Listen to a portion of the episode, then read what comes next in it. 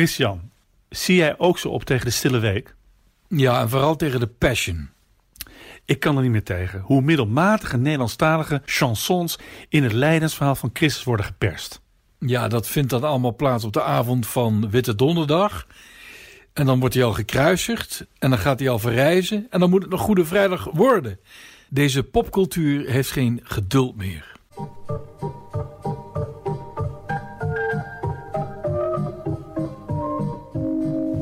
Welkom luisteraars bij weer een nieuwe aflevering van Trouwpodcast De Roomse Loper. Ik ben Christian van der Heijden. En ik ben Stijn Vens.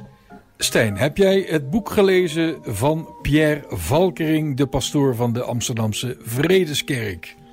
Nou, gelezen is een groot woord. Ik heb het gescand. Ik ben in ieder geval tot de conclusie gekomen dat Pierre Valkering een hele andere opvatting van het celibaat heeft dan zijn bisschop uh, Jos Punt. En daar zit natuurlijk ook, ook de frictie. En tegelijkertijd toont hij zich in dat boek wel een zeer gelovig mens. En hij is er vast van overtuigd dat hij met dit boek een, toch een soort coming out. Coming out als homoseksueel priester, als actieve homoseksueel. Niet alleen zichzelf, maar ook de kerk van Rome een dienst bewijst. Ja, dat is toch eigenlijk heel merkwaardig. Uh, gaat dit boek eigenlijk wel over homoseksualiteit of gaat het over een wellusteling? Ja, het, is, het gaat over een uh, actieve homoseksueel die darkrooms bezoekt, die verschillende uh, relaties heeft, daar ook over schrijft, maar over liefde ook voor die, voor die partners. Ja, en als het gaat over een actief seksueel leven, dan is lust, wellust nooit ver weg. Nee, dat is waar. Maar hij heeft een coming out beleefd. Hij, hij komt uit de kast, zo is dat gezegd. En ja, en dan heb je in Nederland al heel snel uh, de sympathie van de media-elite te pakken. Laten we even luisteren naar een stukje uit de uitzending van Jinek op 1 april. Je zou bijna denken dat het een 1 april grap is, maar dat is het niet. Uh, we horen Jinek, we horen Pierre Valkering, we horen uh, Eusjalan Akjol. En we horen zelfs Ronald de Boer. Ik probeer gewoon te begrijpen dat als iemand tegen mij zou zeggen... ik wijs jou categorisch af voor wie je bent, een deel van je identiteit... dat je dan alsnog daarbij wil horen. En maar, het ik... gaat, maar het gaat in de kerk toch om God en het gaat toch om Jezus Christus. Hoe spreekt die tegen ons? Uh, dus mm, toen maar ik, dan, toen dan, gaan we voorbij toch aan de invloed die de kerk heeft over, mensen die daar zich bij aangesloten zitten, die dat omdat hun ouders dat deden of wat dan ook, dat het een gemeenschap is waarin er met, op een bepaalde manier met je gesproken wordt, dat hoe je voor moet leven wordt je verteld. Als dat dan zo anders is dan, dan de liefde van God, dat is toch zo uh, moeilijk te nemen. Maar het punt is van dus op concreet plaatselijk niveau, in de, in de parochie waar ik destijds mm -hmm. bij hoorde, ja, was dat helemaal niet zo. Uh, dus daar, daar, uh, daar kon, die, die, die, kon zichzelf die, zijn. Die hele rigide boodschap over homoseksualiteit... Mm -hmm. zeg maar, werd daar helemaal niet zo gebracht door, door de plaatselijke pastoor en zo. En maar dan heeft u misschien geluk gehad. Nee, maar ik denk dat dat voor, denk dat, dat voor heel veel uh, parochies in Nederland in nou, elk geval geldt. Denk ik niet. Ik denk niet dat, dat veel is... gemeenschappen nou echt homo-vriendelijk uitstraling nou, in, hebben. in Nederland in de jaren 60 en 70... Uh, best wel, ja hoor. Maar u zegt, ik, ik... er moet iets veranderen. Er moet, het is tijd dat die grote roze olifant, uh, ja, dat die besproken ja. wordt. En dat wij daar eerlijk over zijn. Hè? Dus over, over homoseksualiteit. Is dit dan een soort... Dus, dus ik denk inderdaad dat er... Hè, dus heel veel priesters hebben uh, in hun leven... speelt de factor homoseksualiteit een rol. Hè? En ze gaan daar heel uit, op uiteenlopende wijze ongetwijfeld mee om. Voorziet u dat er, uh, ik weet niet, binnen nu, binnen 10, 20 jaar... dat er een soort van revolutie binnen de kerk plaats gaat vinden... dat dat wat u heeft besproken, opgeschreven, wat u openbaar maakt... dat meer dat zullen doen en dat het gewoon een open onderdeel kan worden... waarin vrijelijk over gesproken kan worden? Nou, het is wel te hopen. Ik, ik, kan geen koffiedik kijken. Hoe het ik zal gaan, weet, weet, weet, ik ook niet. Maar het is wel te hopen. Het is, we, we, moeten, we moeten eerlijk durven zijn. In Wanneer mag u weer preken? Ja, dat is, uh, dat is even de vraag nu, hè? Ja. Hoe het, ga, hoe het gaat lopen. Uh, realiseren, priesters zijn net mensen. Ik bedoel, priesters ja, zijn net ja. mensen. Natuurlijk, ja. We, we, we, zetten ze daar in principe, denken ze. Maar ja. zijn ook, uh, je moet ook naar de wc. En, uh, maar ja. mensen hebben toch een gevoel van... zij zijn niet... ja, dat klinkt een beetje, maar... Ja, het zijn ja, echt mensen. Tuurlijk, en dat een realistisch, een realistisch divers soort leven. Dat hoort er ook bij natuurlijk. Ja, maar daarom blijft het zo wonderlijk dat je bij een club wil horen... die een bepaalde groep mensen ontmenselijk door te zeggen van ja, met zo'n verklaring bijvoorbeeld, ja, wij verwerpen het idee van uh, twee mensen van hetzelfde geslacht die samen willen zijn. Wij geloven ik, alleen kijk, man en een vrouw. Ik, ik, geloof gewoon. Ik geloof gewoon in God. Ik geloof in Jezus Christus. En ja, ik sta in die katholieke traditie al mijn hele leven lang. En dat is ook prachtig. En ik, zeg maar, we hebben het fijn met elkaar in de kerk. In mijn parochie. Uh, en, en zo geldt dat voor heel veel geloofsgemeenschappen in, in, in Nederland. Anderzijds, je moet wel heel uh, sterk in je schoenen staan, hoor. Ja, dat is toch wel zo. Voor. Ja, nou, dankjewel. Ik kom gewoon op voor, voor, ja, voor, voor hoe, hoe ik God en Jezus Christus zeg maar, in mijn eigen hart versta. Ga daar vooral mee door, zou Oké, okay, dankjewel, dankjewel, dankjewel. Ja, wat mij hierin stoort is dat het hem min of meer wordt verweten dat hij lid blijft van de katholieke kerk, die homo's zo zwaar discrimineert dat ze eigenlijk worden ontmenselijkt. dat woord wordt echt uh, gebruikt. Pierre die gaat daar niet in mee. Hij zegt, nou, ik heb daar eigenlijk nooit last van gehad. Maar hij heeft het wel als zodanig laten kaderen. Het is geen coming out van iemand als homofiel of homoseksueel. Het is een coming out van iemand die pornoverslaafd was. Die naar darkrooms ging, die het niet zo nauw nam met uh, de, de, ja, de, christelijke deugd van de kuisheid. Die toch vereist is om het celibaat goed uh, te beleven. Uh, dat dat niet makkelijk is, daar weet ik alles van. Maar goed, uh, je kunt dan ook zeggen, waarom moet je dan als priester in die kerk blijven? Hij heeft dat dan toch gedaan. Een zekere moed kan hem niet worden ontzegd. Maar ik heb ook het idee dat hij een beetje een Jezuscomplex heeft. Leg uit.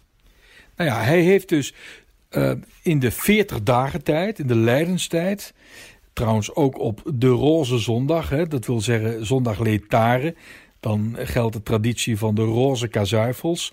Want de, de liturgische tijd van de, van de vasten is paars. Maar halverwege de 40 dagen tijd en met half vasten schijnt het licht al door het paars en dan krijg je roze. Het, het, zonlicht van de verrijzenis, die, die gloort al. Dan krijg je dus roze. Nou, roze is ook de kleur van de homobeweging. En juist op die dag heeft hij dat boek gepubliceerd, op 31 maart. Dus in zijn openbare leven heeft hij dus eh, zijn boodschap geopenbaard, zoals Jezus. Het Sanhedrin is zich al aan het beramen over welk vonnis ze over hem zullen uitspreken. Uh, Bisschop Punt die heeft al gezegd, het punt is dan hier in dit, deze context, kun je dan zien als de hoge priester uh, van het Sanhedrin, fariseer, weet ik veel wat. En dan gaat hij zijn lijden in, zijn grote passie. En uiteindelijk hoopt hij dat hij gaat verrijzen. Dat zijn boodschap dus zal worden gehoord. Zodat er in de kerk niet zo moeilijk wordt gedaan over seks, over homofilie en wat dies meer zij. En hij beschouwt zichzelf eigenlijk als, ja, als de grote profeet die in Nederland deze heilsboodschap voor alle homo's en LHBTI'ers gaat, uh, gaat verkondigen. Ik wil hier toch iets bij opmerken, Christian. Dat mag. Toen dat boek van Frederik Martel verscheen over homoseksualiteit in het Vaticaan, die weet wel, vier op de vijf priesters in het Vaticaan zou homoseksueel zijn of homofiel. Toen was er een, vond ik, sterke reactie van Timothy Radcliffe, de oud-magister-generaal van uh, de Dominicanen, die ook geïnterviewd is voor dit boek. En die zei, ja, ik wil toch de schrijver bedanken in zekere zin voor het feit dat hij dit probleem aanhangig maakt. Hij legt de vinger op de op de uh, gevoelige, zere plek. En we moeten uiteindelijk in die kerk op een andere manier met seksualiteit omgaan. Een wat eerlijke manier om over seksualiteit te spreken en over de seksualiteitsbeleving van priesters. Zo heb ik dat verstaan, wat Radcliffe gezegd heeft. Nou, je zou kunnen zeggen dat dat boek van Pierre Valking daar een poging toe is. Dat valt te waarderen. Maar aan de andere kant vind ik het ook geen geslaagde poging. Om je 25 jaar priesterfeest uiteindelijk hiermee te versieren, letterlijk. Met een soort, uh, niet alleen uit de kast komen, maar ook een heel liederlijk leven beschrijven. Waardoor dat hele priesterschap eigenlijk naar de achtergrond uh, verdwijnt. Je bisschop zo voor het blok zetten. Punt wist niet dat dit boek kwam. Hij had het ook niet kunnen lezen. Dus hij heeft uiteindelijk ook moeten reageren zonder dat, het zonder dat hij dat boek gelezen heeft. Vind ik weinig, weinig geslaagd. En uiteindelijk doet het ook afbreuk aan wat Pierre Valkering wil. Namelijk het bespreekbaar maken van homoseksualiteit uh, niet alleen in de kerk, maar ook onder priesters. Seksualiteitsbeleving van priesters. Een andere opvatting van het celibaat.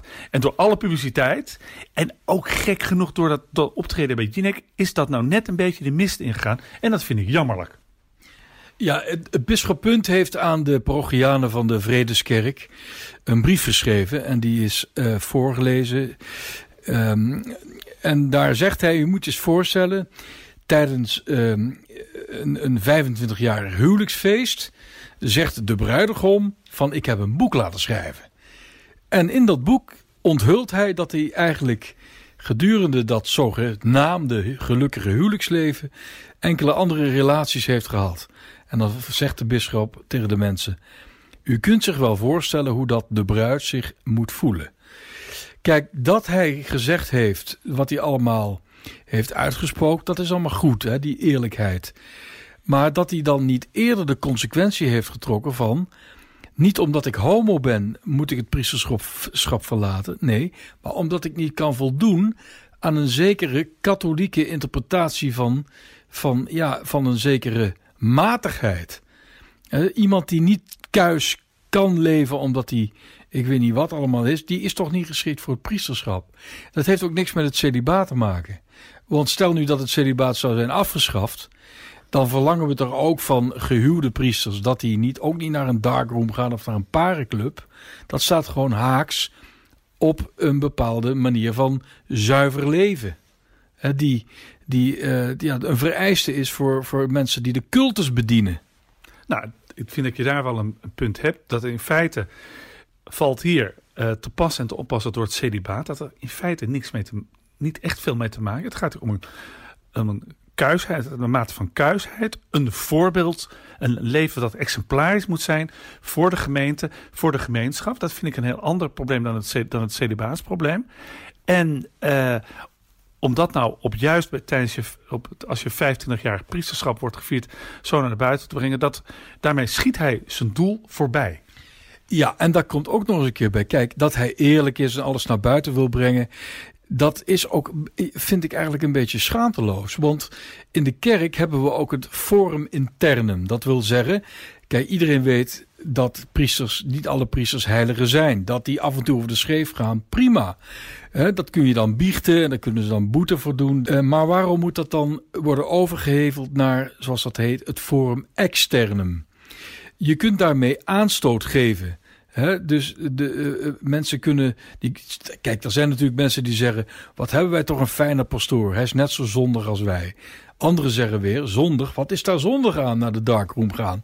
En je hebt tegenwoordig evenveel katholieken als dat er meningen zijn.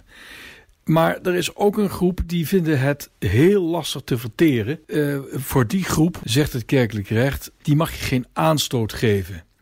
want het, het heil der zielen is daarmee gemoeid. En salus animarum suprema lex. Het heil der zielen is de hoogste wet. Dat is regel 1 van het uh, kerkelijk recht. Nou, tegelijkertijd las ik ergens een opmerking van Jos Moons, een, jezuïet. Mm. Die zei eigenlijk dat boek van Pierre Valking wijst ook andere priesters op het feit dat in je celibaat, hij noemt, gebruikt dan het woord celibaat, in je celibaatsbeleving kan het ook misgaan. Er bestaat ook zoiets als een minder goed gelukt celibaat. Dat betekent niet, trekt Jos Mans dan een conclusie, dat het celibaat maar meteen overboord moet, omdat je je er niet altijd aan kan houden. Hij zegt, voor mij blijft dat ideaal overeind. En bij dat ideaal naleven hoort ook dat het kan mislukken. Ja, dat is, dat is heel, heel wijs van hem. Het is ook een oud uh, Latijns adagium dat zegt: abusus non tollit usum het misbruik neemt het normale gebruik niet weg. In ieder geval is Pierre Valkering uh, geen hypocriet. Dat, dat kunnen we wel zeggen. Want hij heeft het juist gedaan vanwege de afkeer van de hypocrisie. Dat heeft hij dan in ieder geval ook gemeen met Jezus. Want die had daar ook een bloedhekel aan. Ja, en ik heb ook wel gedacht... hoeveel van zijn collega's gaan dit boek lezen... en herkennen iets van zichzelf in Pierre Valkering. En maken dezelfde worsteling door, maar maken in die zin toch een andere keuze. En die keuze is misschien het niet naar buiten brengen, het in stilte oplossen of niet oplossen. En ik denk ook wel eens aan die priesters met die in die worsteling zitten. Alleen in een pastorie met die veertien kerken onder ons. De priester valt ook niet te benijden in deze tijd. Nee, en dan heeft Pierre Valkering nog maar één parochie en één kerk. Terwijl de meeste priesters in Nederland die hebben het veel te druk, volgens mij, om naar de darkroom te gaan.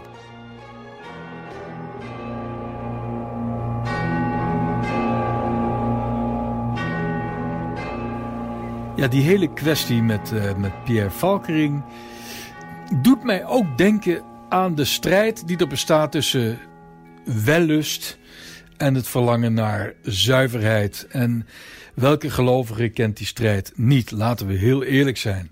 Nou heeft Richard Wagner daar een prachtige opera over geschreven. En die is onlangs in première gegaan in de Stopera van Amsterdam. En die heet Tannhäuser. Een geweldige opera, prachtige muziek. En dat gaat over een, ridder, een, een dichter, Tannhäuser. En die is uh, aan het begin van de opera helemaal verslaafd. Het is een seksverslaafde, verslaafd aan Venus, met wie hij een nogal dwingende relatie heeft. Maar hij moet het met de godin Venus uitmaken, omdat hij beseft dat hij eigenlijk niet gelukkig wordt van de wellust. Hij verlangt naar zuiverheid en dan zegt hij in één keer: Ik verlang naar Maria. Nou, dan denk je, nu gaat het verder over de liefde tot Maria. Nee, het gaat dan verder over de liefde tot een andere vrouw die wij als katholieken kennen als Sint Elisabeth van Hongarije, oftewel van Turingen. En het personage Elisabeth redt hem uiteindelijk, deze Tannhäuser, door te zeggen: Ik ga jou met mijn gebeden begeleiden als jij op boetepelgrimage gaat naar Rome. Kijk, Rome. Dan daar, wordt het interessant. Dan wordt het toch interessant. Hè? En hij sluit zich aan bij een bij een, een stoet pelgrims op weg naar Rome. Want er is een genadejaar. En uh, ze gaan daar allemaal uh, een aflaat verdienen bij de paus. En dan komt ook Tannhauser, die komt bij de paus. En wat zegt dan de paus? Hij heeft namelijk ook eerlijk opgebiecht dat hij verslaafd was aan seksen. Dat hij een, relatie had met, met de godin Venus in de Venusberg. En dan zegt de paus: Heb jij zo boze lust gedeeld, je aan de helle gloed ontvlamd, heb je in de Venusberg verwijld, dan ben je eeuwig nu verdoemd. Zoals de staf in deze hand nooit meer als groene tak kan groeien, kan jij uit de hete helle brand nooit meer verlossing op zien bloeien. Dus die man, die, ja, die gaat, die gaat zwaar gedesillusioneerd terug naar Duitsland. En uh, dan zegt hij, ja, ik ben verdoemd. En omdat ik toch al verdoemd ben, en notabene de paus zelf heeft gezegd... ga ik me weer helemaal overgeven aan de seks. Ik ga me weer melden bij Venus. Maar dan hoor je in de verte, dan komen die andere pelgrims terug, al zingend. En wat blijkt, dankzij het gebed van Elisabeth... die zich heeft opgeofferd voor Tannhäuser... zingen de pelgrims het lied Heil, Heil. Het is een Duitse opera. Het wonder der genade, heil. Verlossing viel de wereld ten deel. In deze nacht op de heilige stonde gaf de Heer een teken door een wonder. De dorre staf in priesters hand, die priester is dan natuurlijk de paus, heeft hij weer groen uit doen groeien. De zondaar in de helle brand zal zo verlossing op zien bloeien. Alleluia, alleluia, alleluia. Met andere woorden, hij is gered dankzij Elisabeth. Dat is toch prachtig? Laten we even naar het allerlaatste gedeelte van deze opera luisteren.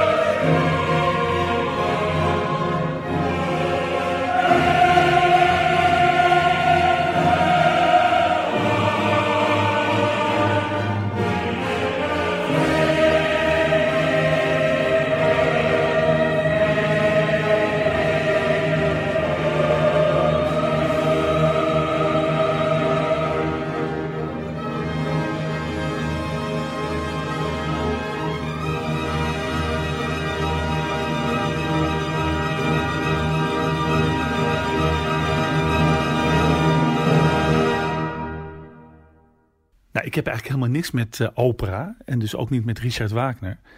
Maar dit spreekt me wel aan. En ik heb ook gehoord dat het, dat het ook allemaal wel liederlijk verbeeld wordt, wat jij net beschrijft. Ja, dat, uh, dat heeft ook een hele mooie recensie in Trouw gestaan uh, over deze opera van uh, Wagner. Ja, het begint met een orgie. Het speelt zich allemaal af in de 19e eeuw in een herensociëteit met ballerina's. En wat mij zwaar schokte, was dat er ook twee kinderen bijliepen. Twee meisjes van minderjarige leeftijd. Ik denk, wat, zullen we nou beleven? Want ik weet, die Venusberg, daar vind ik dat daar geen kinderen bij horen.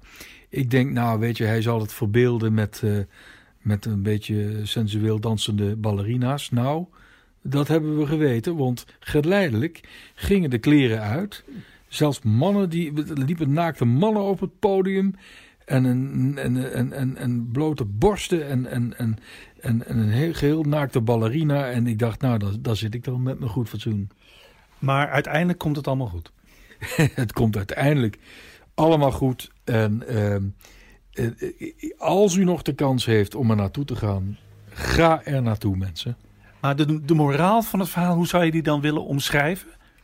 Nou ja, er is een moraal van Wagner. En er is een moraal van de regisseur. En ehm, de regisseur die heeft een prachtige interpretatie hiervan gegeven dat wellust en het verlangen naar zuiverheid eigenlijk altijd gecombineerd zijn. Dat er bestaat eigenlijk geen, geen strikte scheiding, want iedereen verlangt naar wellust en tegelijkertijd wil iedereen ook zuiver zijn. En dat is de condition humaine. Nou ja, dan zou ik zeggen, krijgt Pierre Valkering van Wagner gelijk. Stabat mater dolorosa, juxta crucem lacrimosa, dum.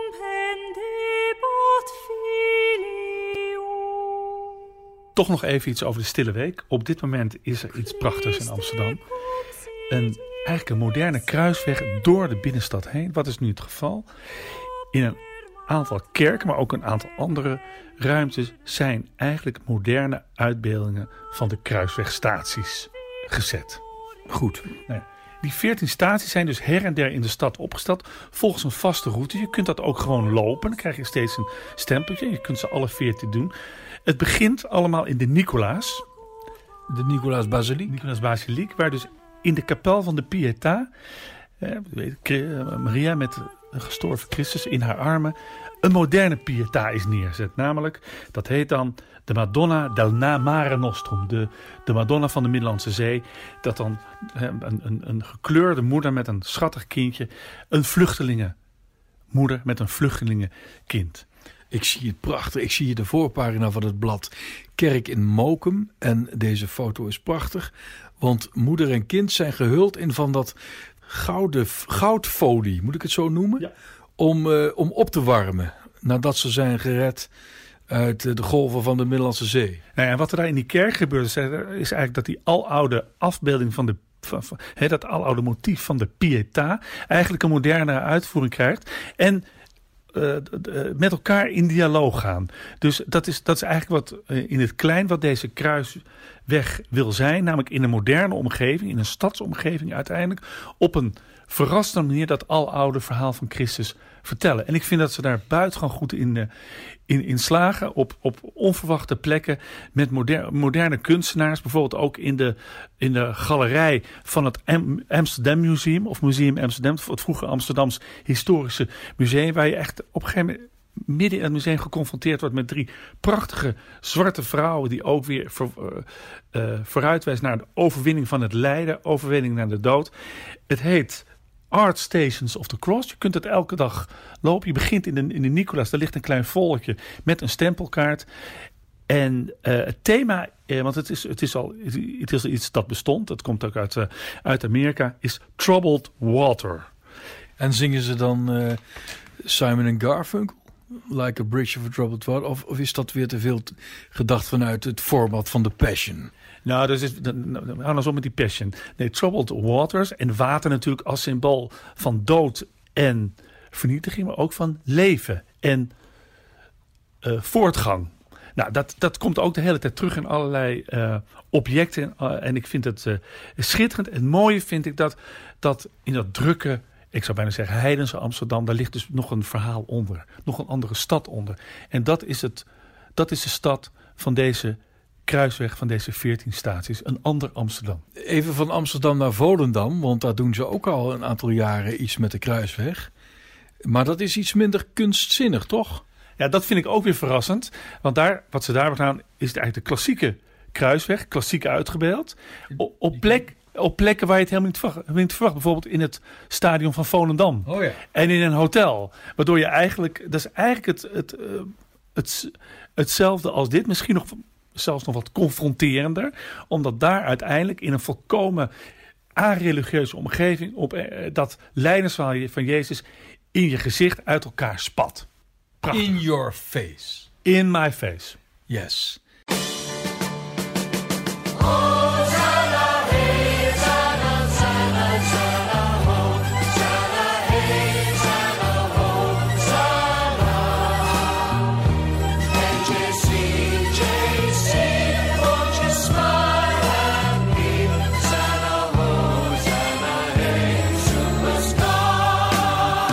Ja, Hosanna, u hoort het al. Dat komt uit Jesus Christ Superstar. De intocht van Christus in Jeruzalem. Dat wordt gevierd op zondag. Passie of Palmzondag. Uh, wie Jesus Christ Superstar zegt, zegt ook Ted Neely. En die kennen we natuurlijk van de geweldige speelfilm. Gebaseerd op de musical van Andrew Lloyd Webber en Tim Rice.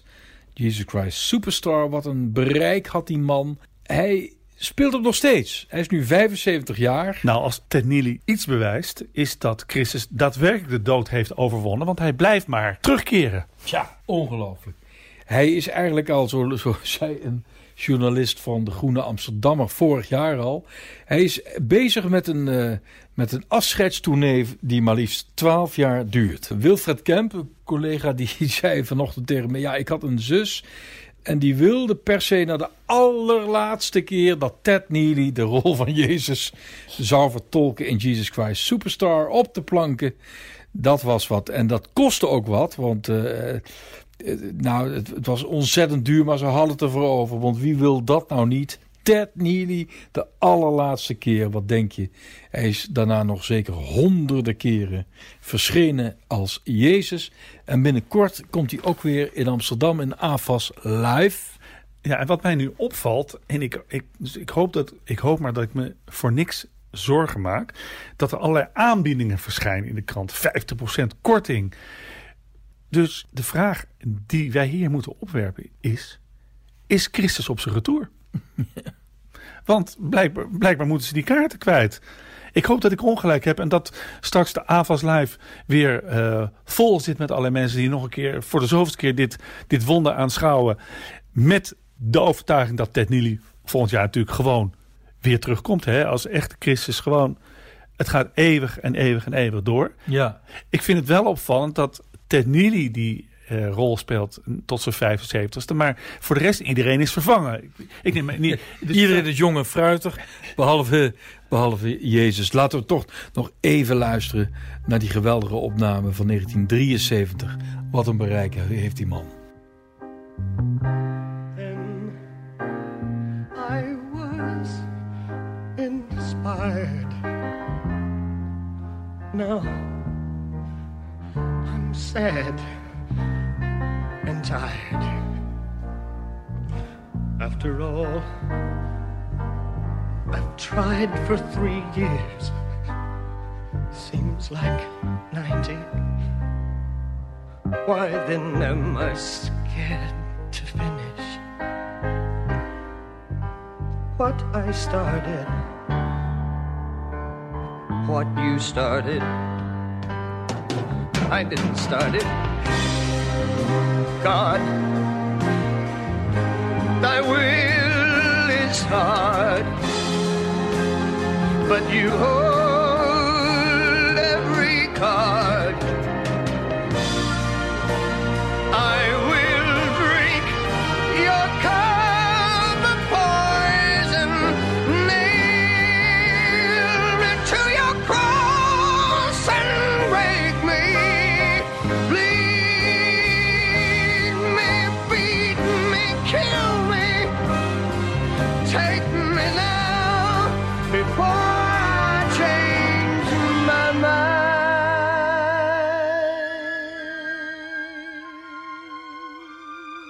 Kijk, vorig jaar heeft zich iets bijzonders voorgedaan.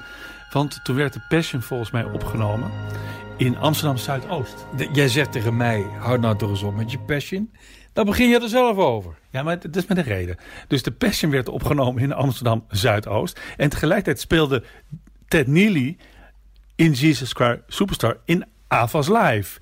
Dus het had zomaar kunnen gebeuren dat ergens tussen de Amsterdam Arena en het station Bijlmer Arena twee Christussen elkaar zouden tegenkomen. En zou dat nog dan niet de beste paasgedachte zijn dat waar je ook kijkt je de vrezen Christus tegenkomt? Lieve luisteraars, wij wensen u een hele mooie, goede week toe. Misschien gaat u nog wel naar Sevilla uh, of een ander Zuid-Europees land en geniet u van de Semana Santa. Of u gaat gewoon gezellig op Tweede Paasdag naar de Meubelboulevard. Dat is ook allemaal goed. Dat mag ook allemaal. In ieder geval, zalig Pasen.